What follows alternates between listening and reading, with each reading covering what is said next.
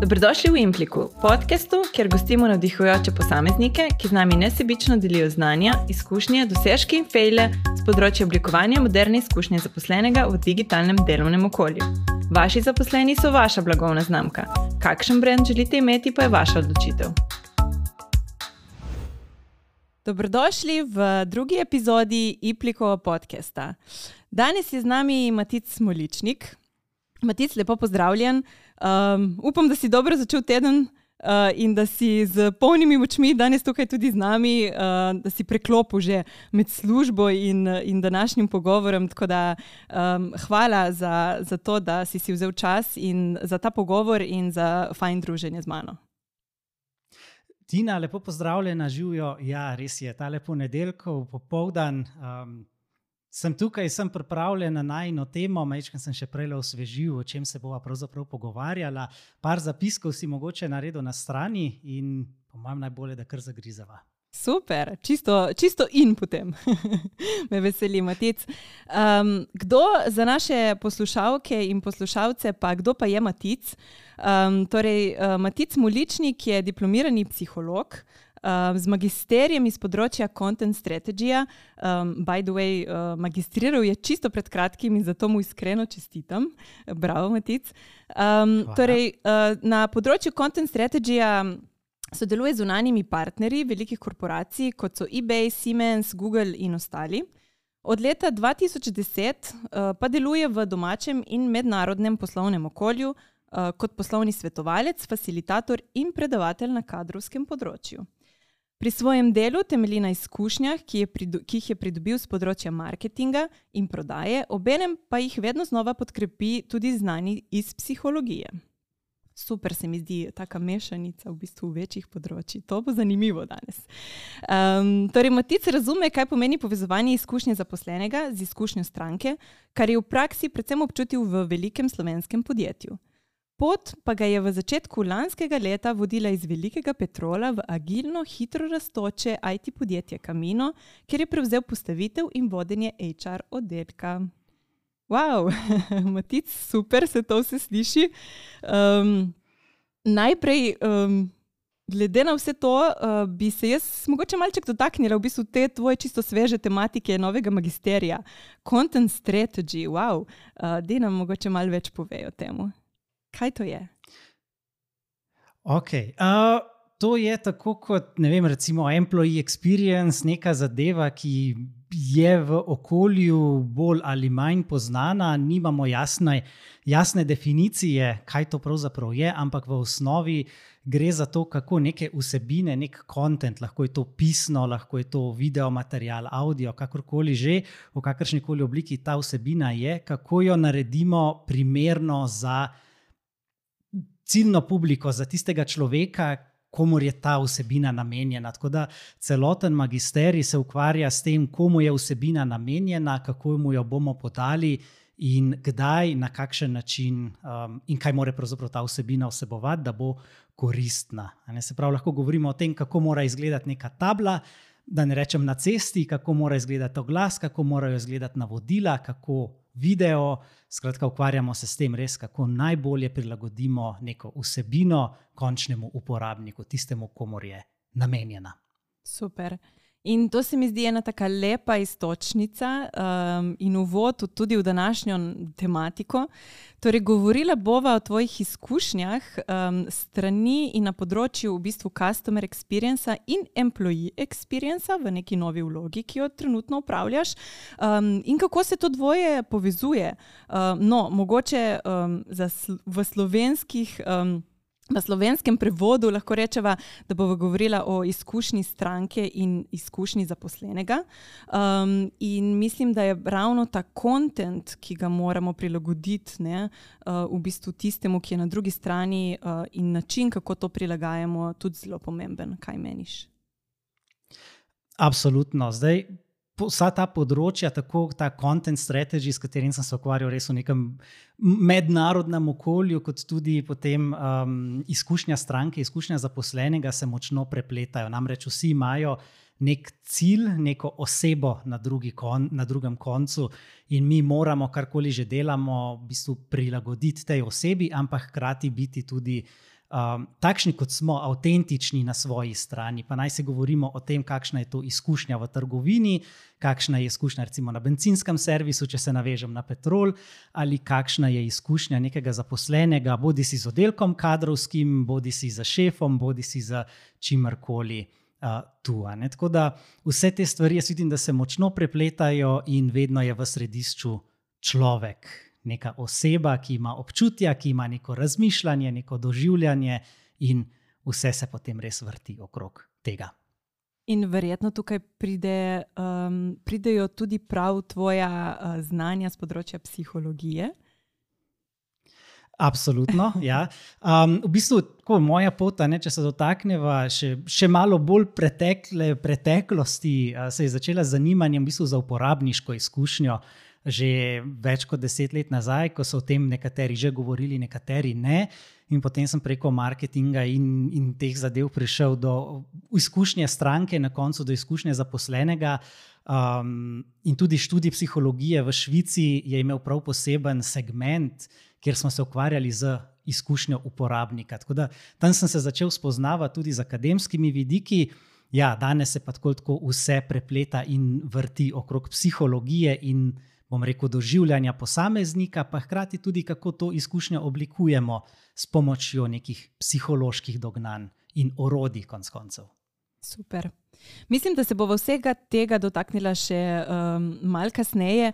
Um, še nekaj, kar sem te mogla, uh, oziroma sem si prav zapisala eno točko, ki sem si jo želela tudi na začetku, malo, uh, bom rekla, odpreti s tabo, je tvoji prehodi na kariernem področju, oziroma na karierni poti med uh, velikim podjetjem v manjše, agilno podjetje, um, med mogoče podjetjem, ki bolj deluje na regionalnem trgu uh, in kaminu, ki je mednarodni.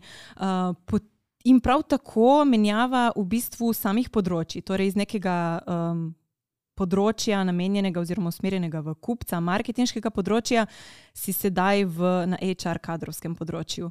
Kako si v bistvu vse te uh, spremembe naredil oziroma doživel? Ja, v bistvu od začetka kariere mi je bil nek cilj delati v slovenskem, oziroma v, rekla, v manjšem podjetju, v neki agenciji in pa v neki korporaciji, tako da bi čim bolj izkusil celotno širino. In moram reči, da ko sem vse to troje že doživel, pa vmeš še malo dela na SP za različne naročnike. Um, sem se najbolje počutil res v neki zlati sredini, kjer se stvari odvijajo hitreje kot v korporacijah, hkrati je pa tudi možnosti dovolj. Se pravi, da vseeno ne delamo spremembe zase in morda bo ali pa ne bo imelo nekega, uh, nek impact, nek učinek na ven. Uh, zato se mi zdi ta neka zlata sredina, kjer sem se zdaj znašel, res čudovita. Uh, kar pa se tiče karijere, pa moram reči, da je vse skupaj potekalo dost naravno. Jaz sem vedno se vprašal, kako mi neka izkušnja iz sedanjosti lahko pomaga v neki tranziciji. Ali, se pravi, ali me je neka pot preko projektov vodila do novih znanj. Tale zadnji največji preskok iz izkušnje stranke v delo v kadrovski službi se je zgodil pa preko projektov, ki so se že tako, tako dotikali um, izkušnje zaposlenih na petrolu, ker sem se s področjem spoznal, delal z odličnimi kadroviki torej iz petrola in tudi zaposlenimi. Smo oblikovali neke zadeve in tam se je v bistvu prebudila nazaj ta neka iskra dela z, z zaposlenimi uh, ki je pravzaprav prej ni bilo, ker sem se fokusiral na zunanje stranke. Super. Zdaj malo te bom še izvala. Um, moja osebna izkušnja tudi na tej svoji neki karierni poti je bila, da um, ker sem začela, bom rekla, v korporaciji so me zelo hitro um, tudi ostali pozicionirali, ko sem tudi sama želela v bistvu in izkusiti manjše podjetje in neko slovensko, mogoče um, korporacijo podjetje, v kateri sem trenutno. Um, so me vsi dali že od začetka, ok, ti si iz korporacije, si, zdaj pa pač naprej greš tudi v neko novo korporacijo.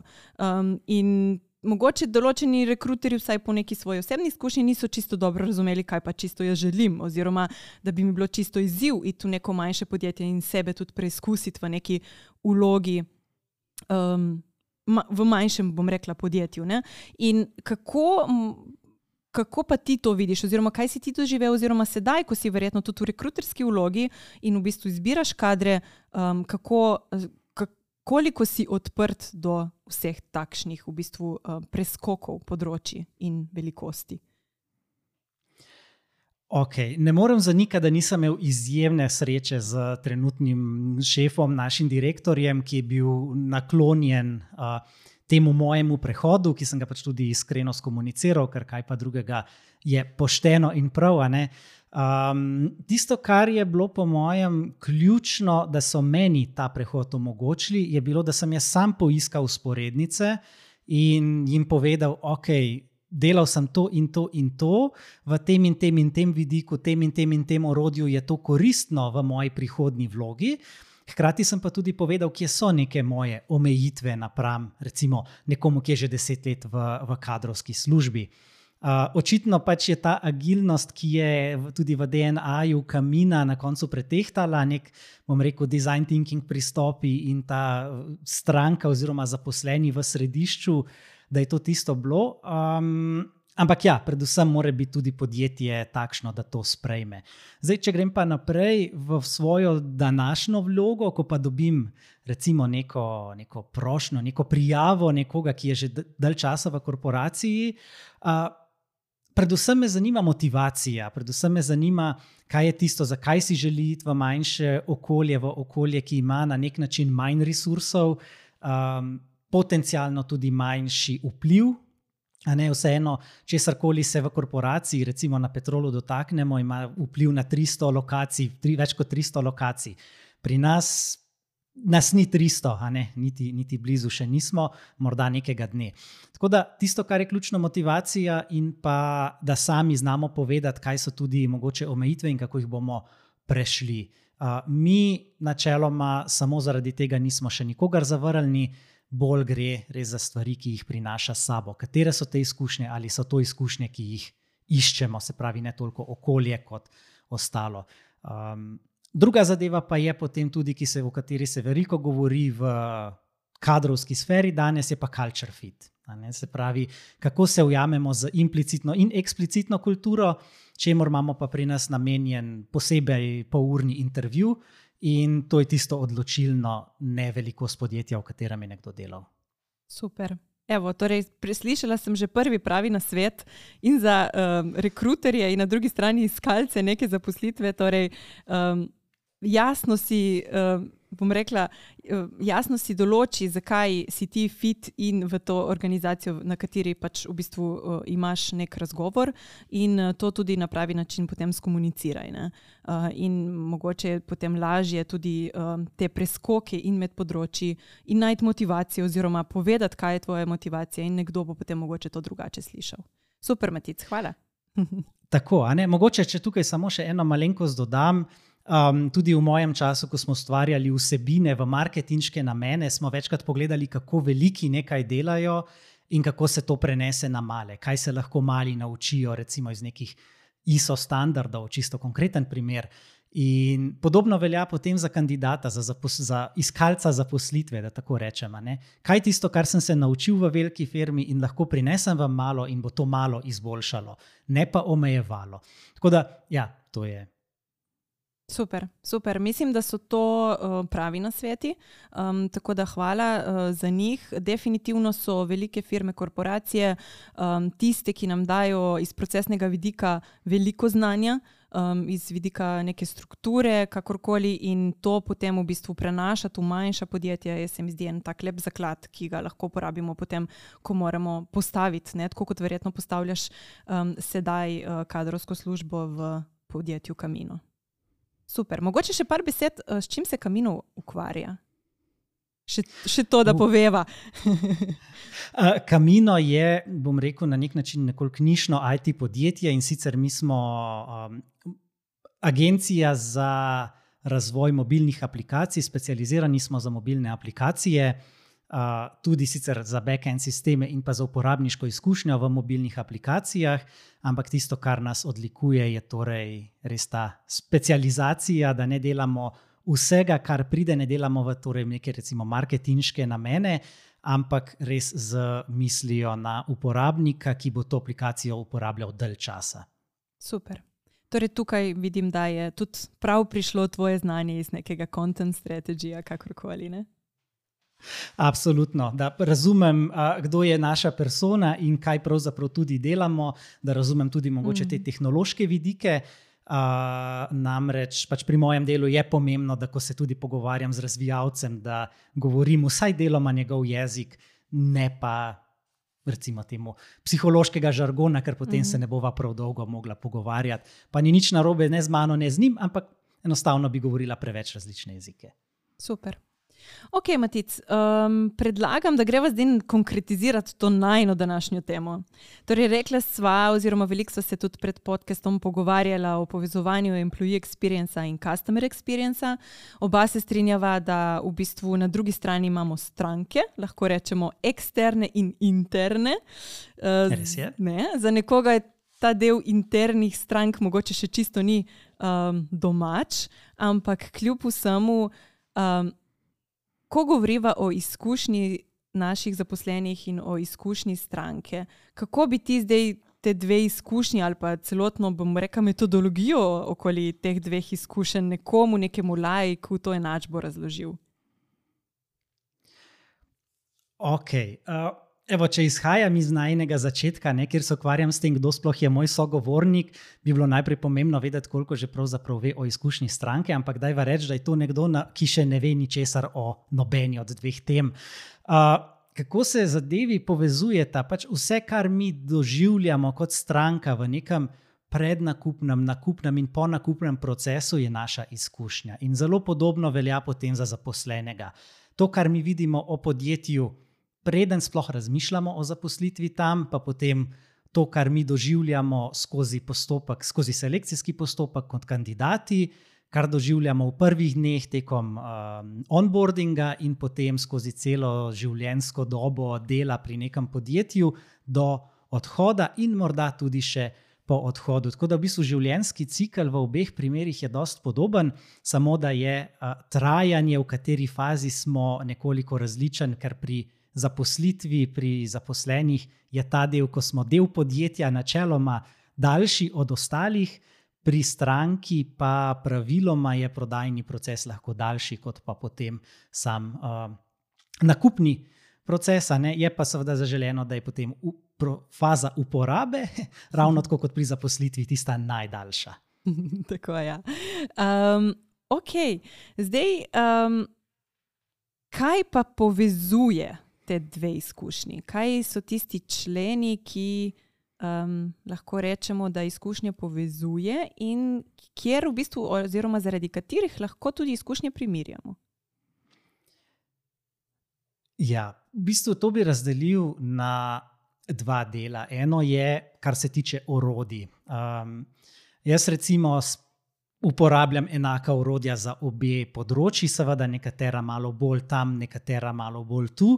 Ampak kar se tiče recimo raznega design thinking pristopov, uh, stranko v fokusu in tako naprej, se mi zdi, da je stvar zelo podobna med eno in drugo. Kot sem že rekel, tudi ta življenjski cikl.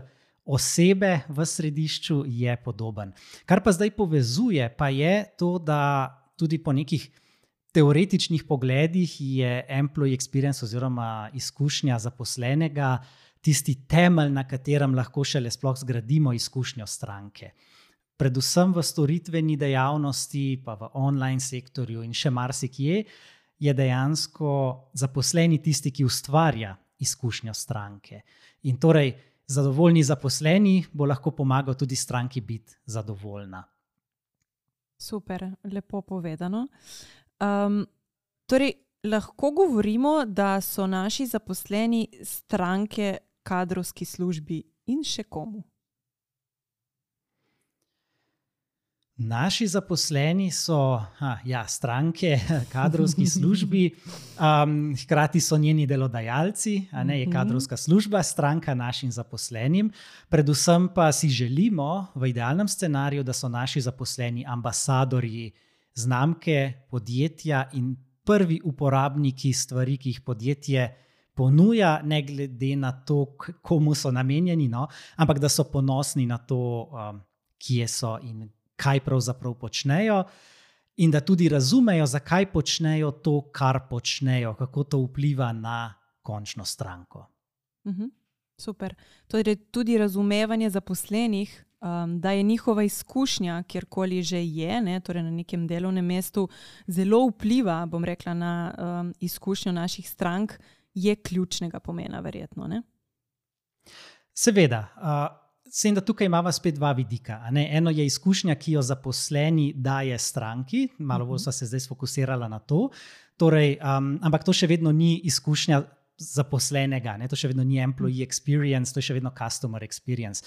Tisto, kar je pomembno, je, kaj stori podjetje, kaj dela podjetje, da zaposlenemu omogoči, da ta svoji stranki nekaj dobrega da, predaja naprej. Ne? Se pravi, lahko so to orodja, lahko je to klima, lahko je to znanje. Skratka, kaj počne podjetje, da je zaposlenemu tam prijetno ker potem se to po neki inerciji lahko naprej prenaša na stranko. Če dava primer podpore, nekdo v podpori, ki lahko sam reši težavo, ki ima to znanje, ki ima orodje, da pomaga stranki na klicu, bo tudi lažje na koncu dosegel, da bo stranka po klicu zadovoljna. Medtem ko če mu pa mi onemogočimo, mu damo ne vem, kakšna super duper orodja, ki imajo milijon klikov, preden bo zaposleni lahko kaj dosegel, ali pa sploh ne bo vedel, zakaj gre um, taka stranka bo avtomatično nezadovoljna. Tako da v bistvu gre za eno verigo, um, na koncu smo pa vsi zadovoljni ali pa nezadovoljni. Mm -hmm. Super. Mislim, da smo zdaj mogoče res na tak bolj lajčen način povedali, kaj je ta. Kaj je employee experience. Ampak pri vseh teh buzzwordih, če se lahko tako izrazim, kot ne, customer experience, mislim, da je na trgu že res uh, veliko časa. Um, employee experience je mogoče prihaja za njim, oziroma se ga vedno bolj zavedamo zaradi takšnih in drugačnih razlogov. Um, kaj v bistvu um, je to nekaj novega? Je torej employee experience nekaj novega, je nekaj starega, se v podjetjih že uporablja? Kaj vse se stoji uh, iz, pod tem employee experienceom? Ok, super vprašanje. Zdaj. Uh, Mogoče kot zanimivost lahko za začetek povem, da pač ravno v magistrski sem se dotaknil tudi izvora Customer Experience. In nekako um, sem bil usmerjen proti gradivu iz leta 1998, ki je kot neko, nek podstat um, vsega skupaj uh, bilo predstavljeno, smo pa že predtem govorili o ekonomiji izkušenja, že mnogo, mnogo mhm. predtem. Uh. Zdaj pa, da se navežem na um, employee experience oziroma na izkušnjo zaposlenega. Kadrovska služba že odnegdaj skrbi za to, da bi bilo zaposlenim prijetno, v redu, ok. Samo da to počne na zelo različne načine. Lahko postavlja sistem zaradi pravnih potreb, lahko vzpostavlja sistem zaradi organizacijskih potreb, poslovnih potreb. Tisto, kar pa se bom rekel, nekako spreminja um, v glavah vseh nas, pa naj si rečemo temu. Uh, employee experience, naj si rečemo temu progresivno kadrovanje, naj si rečemo temu kakorkoli že, je to, da postavljamo zaposlenega v središče, da ga vprašamo stvari in to ne samo, ali si zadovoljen s tem, kar smo ti zdaj pripeljali, ampak da ga že prej znamo vprašati, kaj pa ti pravzaprav rabiš od nas, kako pa mi lahko tebi pomagamo.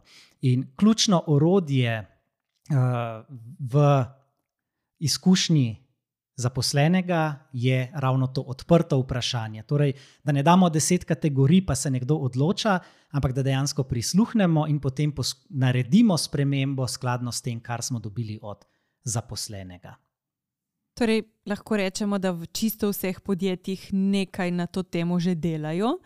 Um, ne, da neke koščke imamo vsi, torej vsi se malo ukvarjamo s kulturo v podjetju, z nekim employer brandingom, um, z nekimi v bistvu onboardingi, vsi si želimo izboljšati recruiting, recruiting proces, kakorkoli. Skratka, kje pa potem začeti, Matic? Torej, zdaj smo prišli z neko tematiko, ok, vi morate imeti employee experience. Kako se tega lotiti? Lotiti se tako, da vprašamo zaposlene, kako se tega lotiti. Kje vidijo največji primankljaj in kaj vidijo kot največjo prednost našega podjetja. Zdaj, nekateri bi temu rekli, da v bistvu izmerimo organizacijsko kulturo, um, jaz pa rečem, da se pač pogovarjamo z zaposlenimi. Ena super praksa pri tem je, da ko pride recimo nova oseba v kadrovsko ali pa ko naredimo nek preseg, da se z najširšim krogom zaposlenih pogovori, kaj ti pravzaprav počneš, zakaj si pri nas, kaj ti je pri nas všeč, in recimo, če bi imel čarobno paličico, kaj bi pa pri nas spremenil.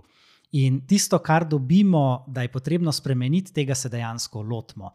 Tisto, kar pa izvemo, da je dobro, no, to moramo pa naprej gojiti. Tako da, ja, temu, so, temu marsikdo reče organizacijska kultura, lahko pa temu rečemo tudi um, izkušnja zaposlenega, employee experience, vse skupaj je prepleteno.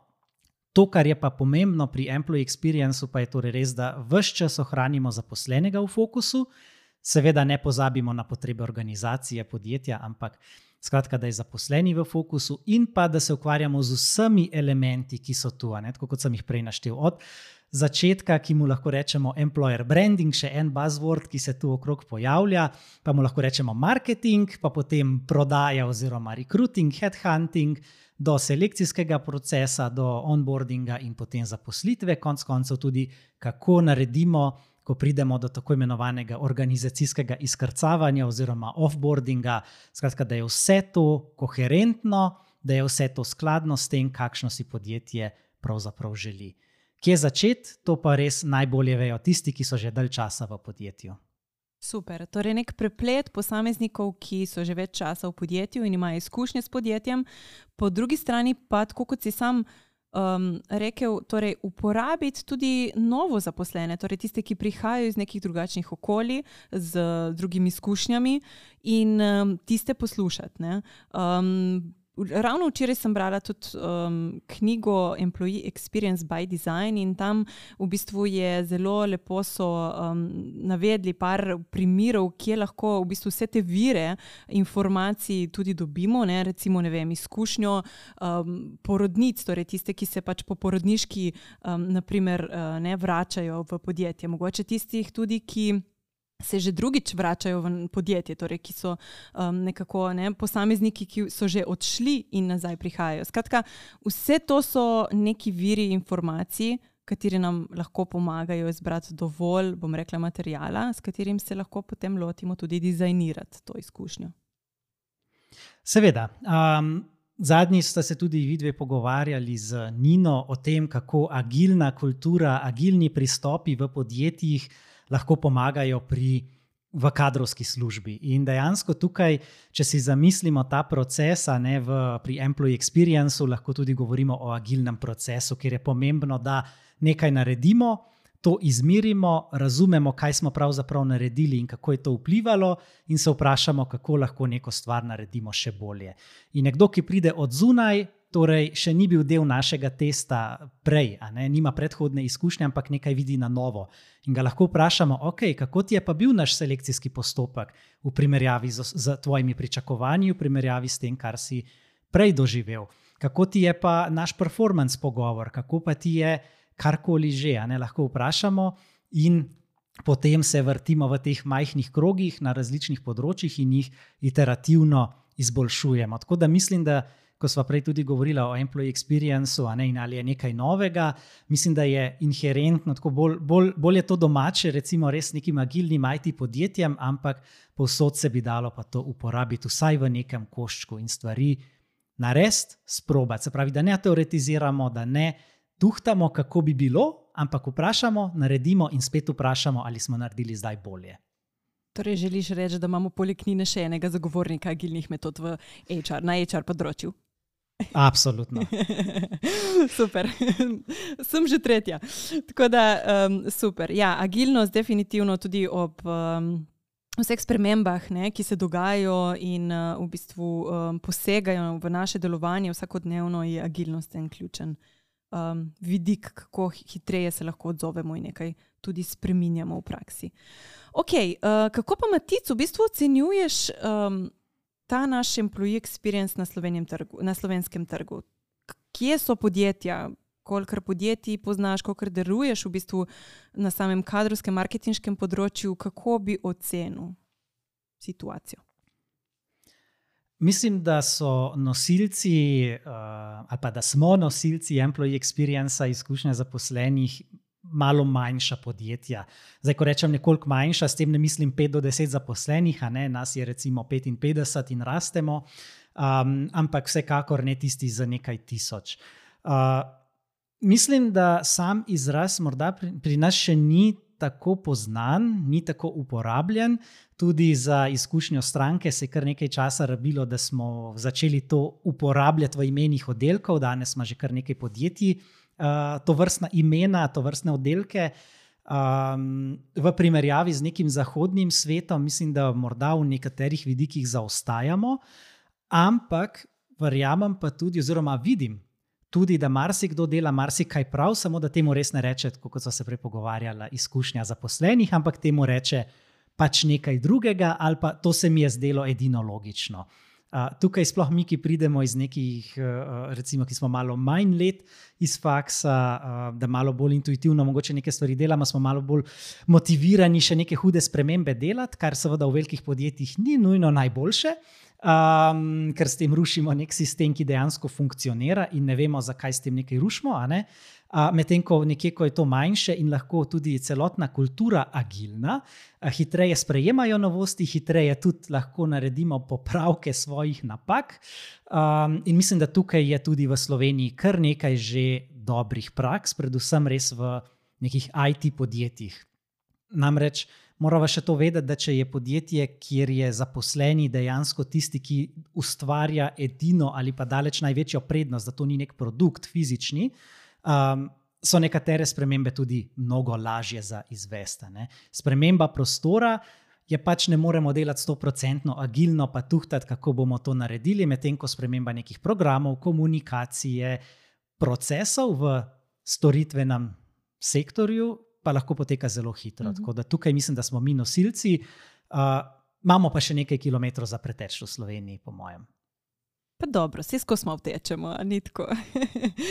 ja. Je tako in tudi, in tudi nadgrajujemo se, in tudi mislim, da tečemo v pravo smer. Um, tisto, česar se malo bolj oklepamo, kot morda kje drugje, so te standardni postopki, uh, ker jim zaupamo, ker so preverjeni. Torej, se mi zdi, da malo težje včasih stopimo iz te cone obdobja, ki funkcionira, uh mhm. -huh. ni pa, um, kako bi temu rekli, extra mile, ni pa mhm. nekaj. Uh -huh. Boljšega, nekaj posebnega. Se pravi, mi mhm. naredimo, da je dovolj dobro in se tu zadržimo. In ko rečem, da moramo še nekaj preteči, s tem mislim predvsem na te dodatne kilometre, sem, da bomo res dobri v nečem.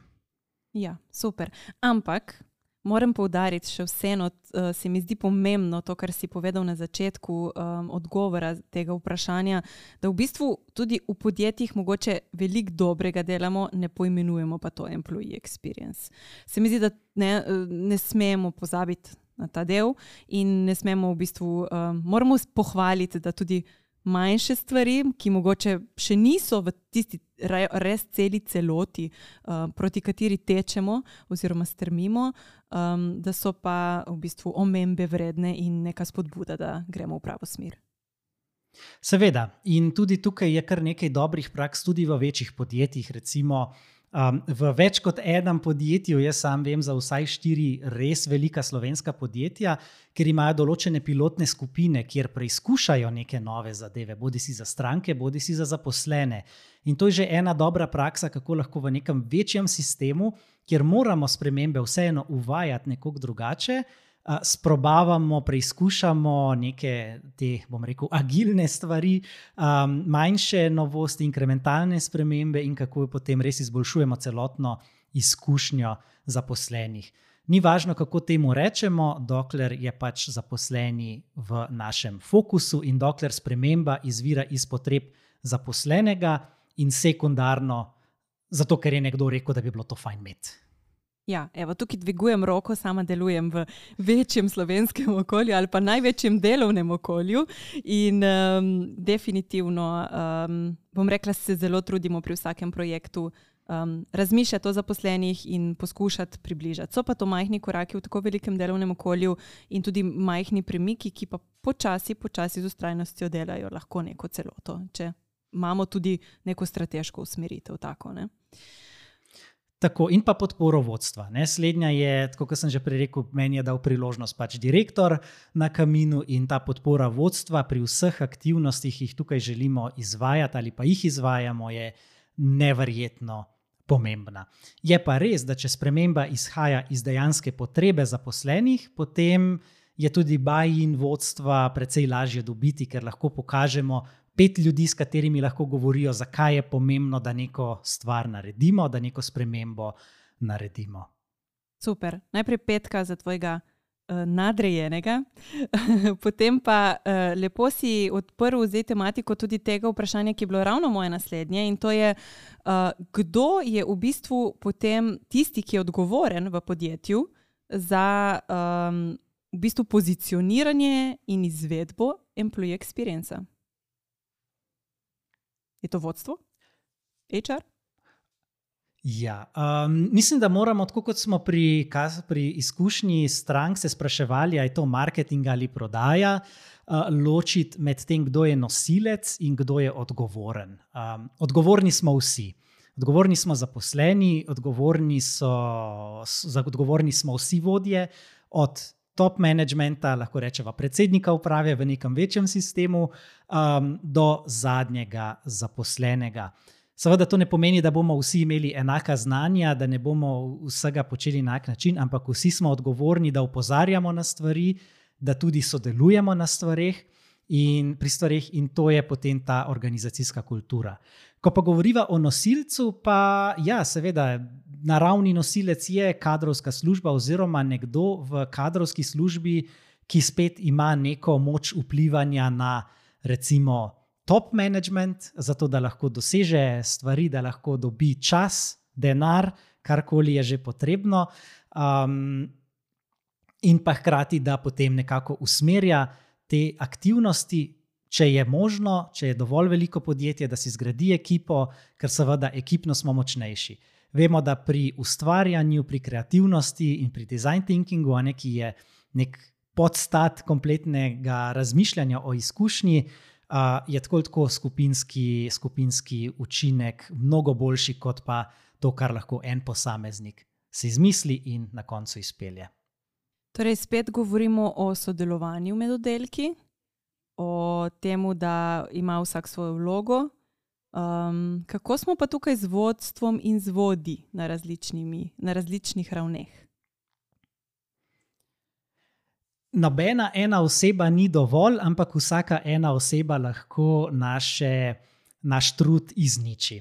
Uh, seveda si želimo, da so vsi vodje na vseh nivojih, od direktorja do vodi oddelkov, vodi sektorjev, vodi območnih enot, um, tukaj na isti strani kot mi, da razumejo. Zato je pomembna komunikacija, zato je pomembno, da tudi mi pojasnimo, zakaj neke spremembe delamo. In še enkrat, če spremembe izvirajo iz potreb zaposlenih, potem je ta stvar zelo enostavna, ker je vprašanje, zakaj so že odgovorili zaposleni. In če neki vodja ne posluša svojih zaposlenih, potem jaz upam, da imamo takšno organizacijsko kulturo, kjer bomo s tem vodjem opravili najmanj en resen pogovor o tem, zakaj meni, da to, kar govorijo zaposleni, nima za smisla, zakaj ne podpira aktivnosti, ki so usmerjene v izboljšanje počutja zaposlenih. Super. Torej, ukvarjati se v bistvu z, tudi z vodstvenim kadrom uh, in pridobivati tudi, bom rekla, povratno informacijo iz njihove strani, uh, in seveda tudi jim obrazložiti, oziroma v narekovajih prodati projekt, bom rekla, um, zakaj to počnemo in uh, zakaj je to dobro za uh, neko našo dolgoročno strategijo.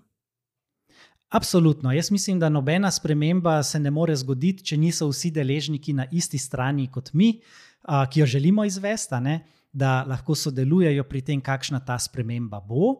In da imajo ta občutek, moramo, jih moramo pa tudi mi vprašati in jih moramo tudi upoštevati. Ne? Če sem prej rekel na nek način, mogoče malo grobo, da če se vodja ne strinja s tem, kar povejo zaposleni, ne, da se moramo vprašati, kje je zdaj ta zaplet.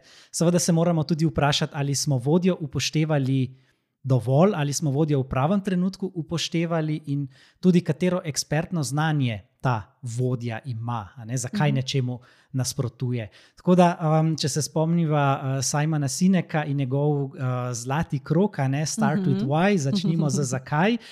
Jaz mislim, da pri izkušnji zaposlenih je zelo pomembno, zakaj, ker potem bomo že našli tudi, kako in um, kaj bomo pravzaprav spremenjali. In če imamo ta zakaj, če vključimo vse pomembne ljudi, uh, vodje in zaposlene, potem tudi poč po teoriji sprememb. Uh, Je vse mnogo, mnogo lažje. Ja, seveda, moramo pa zaposlene, pardon, moramo pa vodje vključiti v ta proces sprememb, identifikacije sprememb, tudi kakšno stvar narediti. Morda še ta poudarek, no, um, predvsem, če se gremo employee experience, je pomembno tudi, da nekaj naredimo. Ne samo, da tuhtamo, kaj bi naredili, ampak tudi ta uh, izvedba na koncu je zelo, zelo pomembna, ker drugače bomo prekasneje ostali brez tovrstnih projektov, ker jih ne bomo nikoli zaključili. Tako pa verjetno tudi brez zaupanja, brez budžeta in tako dalje. Ne? In potem smo spet na začetku. Tako, tako. Kar si pa seveda ne želimo. Okay, uh, kaj pa v bistvu um, tehnologija in tudi employer branding? To sta dve, mogoče tudi uh, modernejši, ali pa v zadnjem času veliko govorimo o digitalizaciji, veliko govorimo o novih tehnologijah, aplikacijah za posamezno področje, in seveda veliko govorimo tudi o uh, postavljanju in izvajanju employer brandinga. Kako vidiš v bistvu um, te dve področji, oziroma uh, vpliv teh dveh področji na postavljanje employee experience? Okay. Uh, digitalizacija kot taka, to sicer mislim, da je bolj tudi tvoje področje, Tina, če se ne motim. Res je. uh, Super, evo, je definitivno, če izvira iz potreb zaposlenega, sta torej employee experience in pa digitalizacija z roko v roki. Da se vprašamo, zakaj neko stvar digitaliziramo, zato ker je trendi, ker smo dobili denar na razpisu, ali zato ker jo moramo, ker je to dejansko potreba naših zaposlenih. In če je potreba naših zaposlenih, kaj pravzaprav rešujemo našim zaposlenim, kaj jim želimo omogočiti skozi to novo digitalno rešitev. Kateri korak jim želimo olajšati, ali pa celo šele prvič omogočiti, in pa česa jim ne smemo, ne želimo povzročiti. In če rečemo, da je v nekaterih podjetjih odpor do digitalizacije, je verjetno zato, ker so na mesto neke rešitve uspeli postaviti še dodatno oviro, dve ali tri. Ja, tukaj je mogoče, evo, oprosti, um, uh -huh. da mhm. te prekinjam, ampak ja, iz mojih, bom rekla, izkušenj vsakodnevnih iz prakse, um, bi podarila mogoče dve zadevi. Ena je ta, da lahko govorimo in dokaj hitro pridemo do tega, da govorimo o digital employee experience, torej o neki digitalni izkušnji našega zaposlenega, kakšno izkušnjo ima z samo digitalizacijo, z orodji, z uporabo orodij in tako dalje. Um, po drugi strani pa v bistvu, da lahko tudi digitalizacijo uporabimo za nek push uh, postavljanja, posledično tudi employee experience. Torej, enkrat, ko rečemo, ok, želimo si digitalizirati, naprimer, um, recruiting proces. Ne?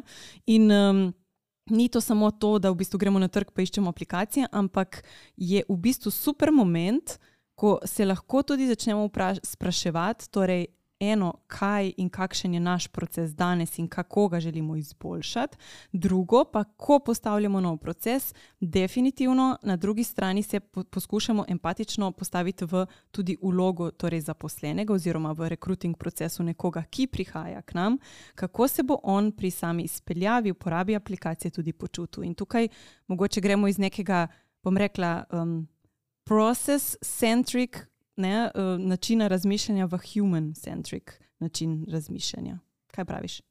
Se sliši ok. ja, ja, absolutno se zelo strinjam. Uh, jaz sicer trdim um, eno zadevo in to je, da a fool with a tool is still a fool. Se pravi, nekdo, ki ne bo vedel, zakaj ima urodje oziroma kako ga uporabljati, mu to urodje ne bo popolnoma nič pomagalo. In digitalizacija je ena super zadeva trenutno, ki pomaga vodstvu, da se odloči za spremembo. Kako to spremembo izpeljemo, je pa še vedno na nas. In ja, če jo naredimo pravilno, torej human-centric, zamislijo na uporabnika, v tem primeru našega zaposlenega, je digitalizacija čudovita vstopnica v to, da naredimo tudi nekaj za izkušnjo tega zaposlenega, ne samo na kratek rok, ampak tudi na srednji in na dolgi rok. Seveda, pri tem, pa, kot prej sem rekel, se moramo vprašati, zakaj to delamo, kaj bomo s tem zaposlenemu olajšali ali omogočili, in potem bo tudi izbira urodja, jaz verjamem, da lažja. Super. Okay, prej smo imeli še employer branding, mogoče še nekaj na to temo. Ja, employer branding je po mojem mnenju prvi del employee experience. To pomeni v praksi, da če sem prej rekel, da se employee experience začne s tem, da nekdo izve za naše podjetje in se prijavi, to je vse employer branding v selekcijskem oziroma tem recruiting postopku, v, v postopku, ko se želimo pozicionirati kot znamka delodajalca na ven. Ne smemo pa pozabiti, da je employer branding v resnici tudi, ko že imamo zaposlenega. Torej, kaj mi delamo za zaposlenega kot podjetje, da bo ta zaposleni se počutil dobro, da bo ta zaposleni tudi naš ambasador. Se pravi, zelo je tanka linija, če sploh obstaja linija med employer brandingom in pa employee experienceom. Morda še največja razlika, po mojem mnenju, bi bila to, da ko razmišljamo o izkušnji zaposlenega, se res fokusiramo na človeka, ko se fokusiramo na znamko delodajalca, employer branding, pa se fokusiramo na to, kakšni želimo, da podjetje izpade. Če delamo pravilno, če imamo pravilno nastavljene stvari, je pa rezultat na koncu zelo, zelo podoben. Super. Ampak dosti krat potem rečemo, ok, vsi so zaposleni v bistvu naša blagovna znamka. A se s tem strinjaš? Želimo si, da so, seveda. A, če jih izberemo takšne, ki pašejo v našo kulturo, potem definitivno so. Če so takšni, ki s ponosom povejo, kje delajo, potem definitivno so. A, naša blagovna znamka, ja, so. so. Lahko je v bistvu to na nek način tudi naš cilj, um, employee experience, da so zaposleni potem tudi v bistvu ta prvi ali pa velik del, predvsem če jih imamo veliko, ne, um, velik del pozicioniranja tudi nekega brenda na trgu. Ok, Matic, um, zaključujeva v bistvu tole našo drugo epizodo in na koncu vedno postavljam take, dva taka izzivalna vprašanja in sicer dobra praksa in fail iz prakse. Kaj si nam upaš povedati oziroma um, koliko iskren boš? Ha dobra praksa. Po mojem, bom uporabil tisto, ki sem jo danes sicer že omenil, se pravi, res ta pogovor z zaposlenimi, da jih poskušamo razumeti skozi, um, skozi njihovo delo. Mogoče ne bomo, recimo, jaz nisem razumel vseh izrazov, ki so mi jih povedali. Sem si začel delati uh, uh, slovar izrazov, developerskih, razvojnih, ki jih nisem razumel, in sem vprašal, okay, kako pa to vpliva na tvoje delo, in s tem sem tudi razumel, zakaj recimo uh, je nek tak developer, tipično v temnem prostoru, ne, zakaj so luči v večini razvojnih firm kar ugasnjene. Um, in potem se začnejo kocke zlagati. Tako da med dobre prakse, ki, jih, ki jih je enostavno tudi implementirati, je odkrit pogovor z zaposlenimi skozi to, da nas dejansko zanima, kaj počnejo in kaj jim je pri tem všeč, kaj jim pri tem ni všeč, in iz tega potem izpeljemo ukrepe slaba praksa, oziroma ne slaba praksa, ampak fail. Um, uh, bilo jih je veliko, a ne pa da ne greva na tiste tipične slabo planiranje. Um, pa, pa, pa potem, da so projekti večji, kot smo si zamislili. Uh, Pa da timeline recimo, ni ok, ali kako že gre. Pa da timeline ni ok. Tako, um, recimo, okay, ena slaba praksa je bila uh, ne namenoma, sicer, ampak se je izkazala in me je zelo hitro udarila po glavi. Pri nas je ena od vrednot, takih uh, organizacijskih, tudi transparentnost. In imeli smo anketo, ki, ki so bile do nekega trenutka vedno anonimne, ena vmes pa ni bila. In to je bila definitivno zelo slaba organizacijska praksa, da tako rečem, nek pripetljaj, um, ki, kjer se je kar nekaj ljudi hitro oglasilo, da lej, to pa ni nekaj, kar ste nam povedali, ne, pač ne bomo tega zdaj izpolnili. Pa ne gre za to, da oni ne bi želeli biti iskreni ker so na koncu izpolnili tisti anketo, ki so prišli do konca, so rekli, da sem izpolnil, a ne sem to, da veš, morda ti pa kdo ne bo izpolnil, ker uh, tam pa niste bili korektni, tam, pa, tam pa boste shranili, kdo je izpolnjeval, čeprav smo.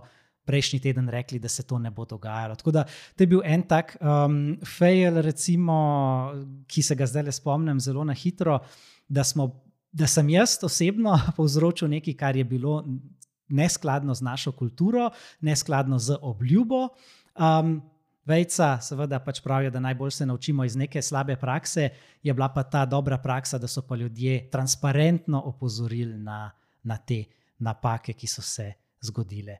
Um, ta je prva, druga pa morda iz področja digitalizacije, uh, ko smo dodali neko orodje zaposlenim in No, recimo, da nismo šli po tem postopku, ki sem ga prej opisal, da bi ugotovili, katere ovire smo jim s tem povzročili. In, uh, ja, bilo je kar nekaj mailov in klicev, kako hudiča zdaj to počnemo, da to pa ne gre, da to se pa ne da. In uh, moram reči, da ko smo lansirali eno nagradno igro, to je še iz, iz vidika prejšnjega, se pravi, customer experience, ampak je bil je bila težava v employee experienceu, ker procesa zadaj nisem uredil dovolj dobro. In se mi je to vrnilo kot bumerang. Nezadovoljne so bile stranke, še bolj so bili pa nezadovoljni zaposleni, ker niso mogli pomagati strankam. Tako da te dve, recimo. Super, hvala za tvojo iskrenost in za um, tudi to v bistvu izpostavljanje, da napake so, da jih delamo, Ne? In da v bistvu uh, Nina je temu rekla, fail fast, learn fast. Um, tako da v bistvu, um, ja, to je ta neka agilnost in je to, kar sem slišala iz, obe, iz obeh v bistvu failov, um, je, da zelo hitro pride bumerang nazaj ne? in zelo hitro potem v bistvu moramo na njega odreagirati. Kar pa je edino prav, v bistvu, če imamo vzpostavljeno neko um, odprto kulturo, In eh, če seveda nismo izpolnili um, neke obljube, oziroma nismo razmišljali v samem procesu tudi o izkušnji tistega, ki bo nekaj uporabljal. Um, Matic, hvala. Zdaj, v bistvu, veliko sva povedala. Šla sva um, od content strategija do tvojih izkušenj in iz manjših, večjih podjetij oziroma okolij, um, do postavljanja in povezovanja employee experience z customer experienceom, kar, sem, kar so moji tri take-awayi, ki jih vedno znova si želim poudariti oziroma odnesti s sabo um, za jutrišnji dan, definitivno sprašujmo zaposlene um, ne se tega bati, oziroma čim več, naj, čim več načinov, kako priti do informacij, in seveda te informacije pač upoštevati pri postavljanju različnih procesov.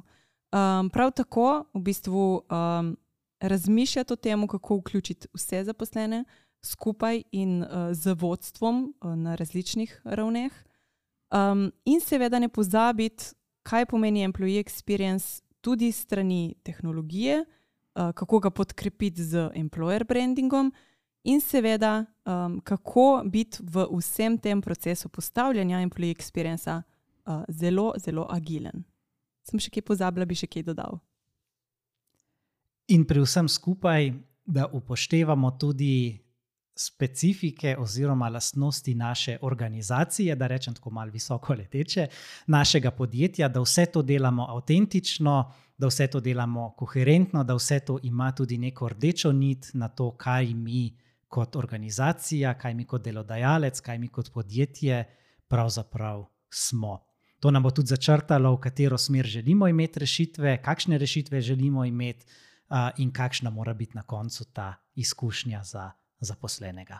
Super. Torej, nimamo ene rešitve za vse, uh, ali pa prebrane ene teorije za vse, ampak definitivno specifike okolja, posameznikov, uh, področje, na katerem delamo, uh, tudi regionalnega, kakorkoli področje, oziroma kje smo lokacijsko uh, in s kakšno kulturo se v bistvu soočamo, je tisto, kar nam lahko employee experience zapelje malo v levo, malo v desno.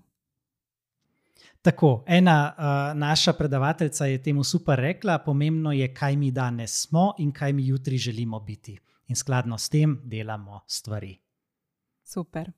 In to je ena lepa uh, zaključna misel, Matic, torej uh, razmišljati, kaj danes smo in kam želimo jutri iti, kot smo rekli, kam bova tekla in v katero smer. Uh, Matic, hvala, uh, super, um, super pogovor, mislim, da veliko istočnic za razmišljanje, veliko znanja. Uh, hvala tudi za tvoje izkušnje iz prakse in jaz resnično upam, da se kmalo spet kaj slišiva. Najlepša hvala za povabilo, bilo mi je veselje, bilo je zelo prijetno, bilo je tudi malo izzivalno za me, nekatere stvari morda usmisliti in posloveniti. Tako da najlepša hvala za tole izkušnjo in se veselim prihodnih pogovorov. Hvala, Matic. Našim poslušalkam in poslušalcem pa tudi lepa zahvala, da ste v tej urci z nami spet bili in nas poslušali. Klik na share, klik na like in se slišimo prihodnjič.